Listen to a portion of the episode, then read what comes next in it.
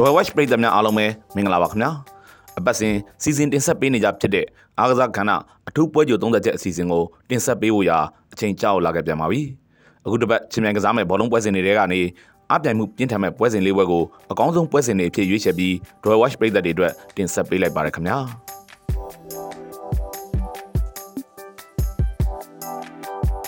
Newcastle Fulham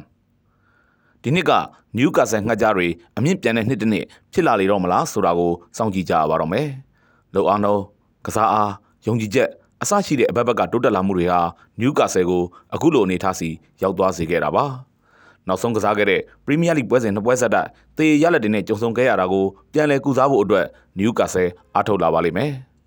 နီးပြအဒီဟိုဝီနဲ့နယူကာဆယ်ကစားသမားတွေအကြားမှာယုံကြည်ချက်ပိုင်းဆိုင်ရာတိစောက်ထားနိုင်တာကလည်းနယူကာဆယ်ကိုတဆင့်ပြီးတဆင့်မြင့်တက်လာစေတာပါပဲချန်ပီယံလိဝင်ခွင့်တနေရာစာကိုရအောင်လိုက်နိုင်ခဲ့မယ်ဆိုရင်ထိပ်တန်းကစားသမားတချို့ကနယူကာဆယ်စီကိုပြောင်းရွှေ့ကစားဖို့အတွက်စိတ်ဝင်စားရှိလာတော့မှာပါအဲ့ဒီခွင့်ရေးကိုအမိရဖန်းဆောင်နိုင်ရေးဟာဒီနှစ်ဘောလုံးရာသီအတွက်နယူကာဆယ်ရဲ့ရည်မှန်းချက်လို့တောင်ပြောနိုင်ပါတယ်ဖူလန်ကတော့ဂျားရက်မှာရှက်စီကိုအနိုင်ကစားပြခဲ့ပြီးပါပြီ။ ရှက်စီပြီးတော့နယူကာဆယ်ကိုဆက်နိုင်တယ်ဆိုတာမျိုးတွေဖူလန်လုပ်ပြနိုင်မှုခက်ပါတယ်။နောက်ဆုံးကစားခဲ့တဲ့ပရီးမီးယားလိပွဲစဉ်၄ပွဲဆက်တိုက်အနိုင်ရထားတယ်ဆိုတဲ့အချက်ကလည်းဖူလန်လိုအသင်းအတွက်အကန့်အသတ်မရှိတဲ့အတိုင်းထက်အလွန်တွေဖြစ်နေပါပြီ။ဒီတော့ဖူလန်ရဲ့နိုင်ပွဲဆက်မှုတွေခဏရနာနှစ်ပွဲဆက်သေးကြတဲ့နယူကာဆယ်အတွက်နိုင်ပွဲတစ်ပွဲပြန်အောင်လားဆိုတာမျိုးတွေဖြစ်လာနိုင်ပါတယ်။နယူကာဆယ်ပဲအနိုင်ရသွားပါလိမ့်မယ်ခင်ဗျာ။ရှက်စီခရစ္စတယ်ပဲလစ်လန်ဒန်မြို့ကန်အသင်းနှစ်သင်းအပြိုင်မဲ့ပွဲစဉ်ပါပဲ။ ရှက်စီဟာရလက်တွေဆိုးရတဲ့ထက်ဆိုးရလာကြောင်းနီးပြဂရီယန်ပေါ်တာရဲ့အနာဂတ်ကလည်းလှုပ်ခတ်လာခဲ့ပြီဖြစ်ပါတယ်။ဒီပွဲစဉ်မှာသာရှက်စီရဲ့ရလက်တွေဆက်လက်ဆိုးရခဲ့မယ်ဆိုရင်နီးပြဂရီယန်ပေါ်တာကိုရာဟုထုတ်ပေတာမျိုးတွေတောင်ဖြစ်ကောင်းဖြစ်လာတော့မှာပါ။နျူကာဆယ်အတွက်ဒူအော်ဒိုင်းဆိုတဲ့ပွဲမျိုးပါပဲ။ရှက်စီဟာပွဲချက်တွေဇက်တိုက်ကစားခဲ့ရတာပွဲဆက်တွေအရန်များလွန်နေတာတွေကြောင့်အခက်တွေ့နေရပါတယ်။အထူးသဖြင့် အသင်းရဲ့အဓိကကစားသမားအများစုထိခိုက်ဒဏ်ရာတွေရနေတာကရှက်စီအတွက်အကြီးမားဆုံးထုံးနှက်ချက်ပါပဲနီးပြဂရီယန်ပေါ်တာကိုယာရုကနေထုတ်ပယ်ပြီးနောက်ထပ်နီးပြတယောက်ကိုခန့်အပ်လိုက်ရင်လည်းဒဏ်ရာရပြဿနာတွေကြောင့်ရှက်စီရဲ့အကြက်တဲဟာချက်ချင်းကြီးပြေလည်သွားနိုင်မှုမလွယ်လှဘူးလို့သာပြောရပါလိမ့်မယ်ခရစ္စတယ်ဘဲလစ်ရဲ့ရှေ့စွမ်းကလည်းအားရစရာမကောင်းလှပါဘူးနောက်ဆုံးကစားခဲ့တဲ့ပရီးမီးယားလိပွဲစဉ်၄ပွဲမှာဆိုရင်ခရစ္စတယ်ဘဲလစ်ကတပွဲတည်းသာအနိုင်ရရှိခဲ့ပြီး၃ပွဲရှုံးနေထားပါတယ်။ ရှက်စီဟာနိုင်ပွဲတစ်ပွဲမဖြစ်မနေပြန်လည်ရရှိသင့်နေပါပြီဒီပွဲမှာရှက်စီပဲအောင်ပွဲခံသွားပါလိမ့်မယ်ခင်ဗျာ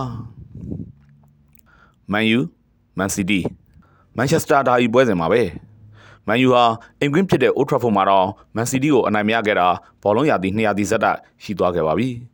အဲ့နှစ်ပွဲလုံးမှာမန်စီးတီးဘက်ကိုမန်ယူကဂိုးတော်မသွင်းနိုင်ခဲ့ပါဘူးပထမအကြော်တုန်းကလည်းမန်စီးတီးရဲ့အင်ကွင်းမှာမန်စီးတီးကမန်ယူကိုရှော့ဂိုး3ဂိုးနဲ့ဂိုးပြတ်အနိုင်ယူသွားခဲ့ပါတယ် ဒီဒီချိန်မှာထူးခြားတာကမန်ယူဟာပြုတ်ပြင်ပြောင်းလဲမှုတွေနဲ့အတူအသစ်တပွဲဖြစ်နေတာပါပဲပြိုင်ပွဲအရရက်နောက်ဆုံးကစားထားတဲ့6ပွဲဆက်တိုက်အနိုင်ယူပြီးမန်ယူကစားသမားတွေယုံကြည်ချက်မြင့်တက်လာတာကအသင်းကိုအရွေးအသစ်တစ်ခုဖြစ်လာစေခဲ့ပြီလို့လည်းဆိုရပါလိမ့်မယ်အဲ့ပွဲစဉ်6ပွဲမှာပေးကိုဆိုလို့တကူရဲတာရှိခဲ့ပြီး9ပွဲဂိုးမပေးခဲ့ရတာကလည်းမန်ယူရဲ့တိုးတက်မှုပြအုပ်တစ်ခုပါပဲ။ တိုက်စစ်မှာ Rashford ကပုံမှန်ဂိုးသွင်းရရှိလာသလိုကွင်းလယ်နဲ့ခန်းစစ်အကြားနားလည်မှုတွေတိုးတက်လာတာကလည်းမန်ယူအတွက်အားရစရာကောင်းလာပါတယ်။မန်စီးတီးကတော့မန်ယူထက်အဖက်ဖက်မှာတာလွန်နေပါတယ်။မန်စီးတီးရဲ့အဓိကကစားသမားတွေဟာ FA ဖလားပွဲနဲ့ခရာဘောင်းဖလားပွဲတွေကိုပွဲချိန်ပြည့်မကစားဘဲအတိုင်းတာတရက်အထိအနားရထားတာကိုသတိပြုရမှာပါ။မန်စီးတီးဟာမြို့ခံသားကြီးပြန် bet မန်ယူကိုအိမ်ကွင်းအဝေးကွင်းနှစ်ကြောလုံးအနိုင်ရရှိတယ်ဆိုတဲ့မှတ်တမ်းကောင်းတစ်ခုကိုရယူခြင်းနေမှန်းသိတာလွန်ပါတယ်။ ပထမအကြောတုံးကအတိုင်းပဲဖိုဒင်နဲ့ဟာလန်ဟာမန်ယူကိုဒုက္ခပေးမဲ့သူတွေဖြစ်လာနိုင်ပါတယ်။မန်ယူဘက်ကိုကြည့်လိုက်တော့လေဒီပွဲကိုသာအနိုင်ရလိုက်ရင်အမှတ်ပေးစရာရဲ့ဒုတိယနေရာကိုစိတ်ကူးရင်ပိုင်ခွင့်နေရှင်သန်လာဖို့ရှိနေပါတယ်။တရေရလာဟာနှစ်သင်းလုံးအတွက်အမျှတာဆုံးအဖြစ်ပဲဖြစ်ပါတယ်ခင်ဗျာ။စပါအာဆင်နယ်နောက်လန်ဒန်ဒါကြီးပွဲစဉ်ဖြစ်ပါတယ်။2013-14ဘောလုံးရာသီနောက်ပိုင်းစပါရဲ့အင်ကွင်းစီကိုလာရောက်ရှင်ပြန်ရတဲ့ပရီးမီးယားလိပွဲစဉ်တွေမှာအာဆင်နယ်အနိုင်မရတော့ပါဘူး။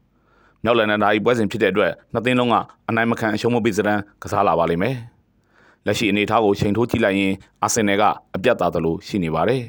။နောက်ဆုံးကစားခဲ့တဲ့ပရီးမီးယားလိပွဲစဉ်လေးပွဲမှာစပါးရေးနေတာကတပွဲတည်းသာရှိခဲ့ပေမဲ့ရှေ့စွမ်းအရာအားရစရာကောင်းတာဆိုလို့ခရစ္စတယ်ပဲလစ်ကိုလေးကိုပြတ်နဲ့အနိုင်ရခဲ့တဲ့ပွဲစဉ်တပွဲတည်းသာရှိလို့နေပါတယ်။အာဆင်နယ်ဟာနျူကာဆယ်နဲ့ပွဲစဉ်တုန်းကအမှတ်တွေဆုံးရှုံးခဲ့ရတဲ့အတွက်အခုပွဲစဉ်မှာအဲ့လိုထပ်မဖြစ်ရလေအောင်ကြိုးစားလာလိမ့်မယ်လို့ယူဆမိပါတယ်။ စပါဘတ်မှာဟယ်ရီကိန်းဂိုးမြူနေတာကိုသတိပြုရမှာပါ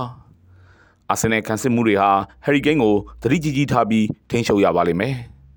စပါရဲ့အကြီးမားဆုံးအားနည်းချက်ကခံစစ်ကြောင်းပွင့်ထွက်နေတာပါပဲအာဆင်နယ်သာအရှိတ်ဆက်မိမိကစားလာခဲ့ရင်အဲ့တိုက်စစ်တွဲလုံးတွေကိုစပါခံစစ်မှုတွေဟန်တာနိုင်မှုကခက်လာပါတယ်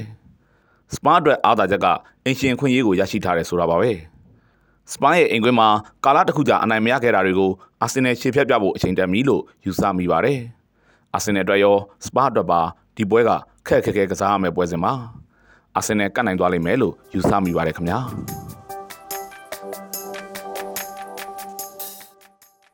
အခုဆိုရင်ဒီတစ်ပတ်ချီမန်ကစားမယ့်ပွဲစဉ်တွေထဲကအကောင်းဆုံးဖြစ်လာနိုင်ခြေရှိနေတဲ့ပွဲစဉ်လေးပွဲကိုရွေးချယ်ပြီး Royal Watch ပြည်သက်တွေအတွက်တင်ဆက်ပေးခဲ့ပြီးဖြစ်ပါတယ်။နေ့တမှာ Royal Watch ပြည်သက်တွေလည်းကံကောင်းမှုတွေနဲ့စုံစည်းနိုင်ပါစေလို့ဆုတောင်းပေးလိုက်ပါတယ်ခင်ဗျာ။ thank you